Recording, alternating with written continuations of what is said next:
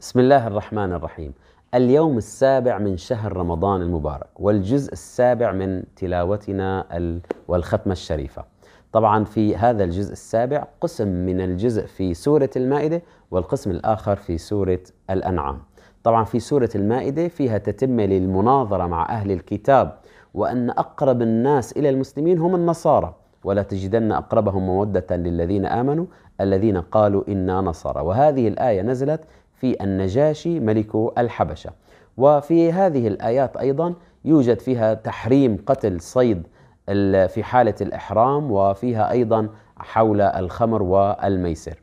قال تعالى أيضا يا أيها الذين آمنوا لا تحرموا طيبات ما أحل الله لكم. وفي هذه الآية يبين الله سبحانه وتعالى ألا نتشدد بالتحريم. وفيه أيضا ورد عن كفارة اليتيم. وفيه نزل كما ذكرنا تحريم الخمر والميسر. قال أنس بن مالك كنت ساقي القوم عند أبي طلحة حينما حرمت الخمر فسمعنا مناديا ينادي ويقول إن الخمر قد حرمت. قال فأريقت في سكك المدينة. يعني أصبحت كالسواقي. وقال أبو طلحة لأنس اذهب فأهرقها. وانتهى يعني شرب الخمر بين المسلمين في ذلك الوقت. وعن ابن عباس رضي الله تعالى عنه قال كان قوم يسألون النبي صلى الله عليه وسلم فيقول أحدهم من أبي؟ ويقول الآخر أين ناقتي؟ فأنزل الله سبحانه وتعالى حول تحريم مثل هذه الأسئلة فقال يا أيها الذين آمنوا لا تسألوا عن أشياء إن تبد لكم تسؤكم. وفي نهاية السورة فيها ذكر لمعجزة المائدة وذلك أن الحواريون سألوا عيسى عليه السلام أن ينزل عليهم وأن يطلب من الله أن ينزل عليهم مائدة من السماء. فخانوا وادخروا ورفعوا فمسخوا قردة وخنازير. الآن تنتهي سورة المائدة ونبتدئ بسورة الأنعام. سورة الأنعام هي من السور الطوال ولكنها مكية وليست مدنية على غير العادة. وأنزلت كما يقول ابن عباس ليلا بمكة ليلا جملة واحدة. يشيعها أو حولها سبعون ألف ملك يجأرون بالتسبيح.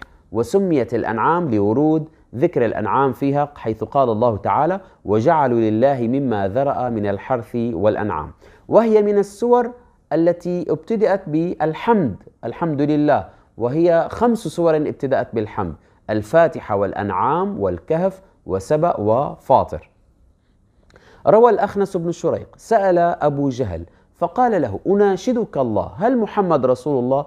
قال والله إنه لرسول الله ولكن بنو قصي أخذوا السقاية والرفادة واللواء والنبوة فماذا بقي لبقية قريش؟ فأنزل الله سبحانه وتعالى قد نعلم إنه ليحزنك الذي يقولون.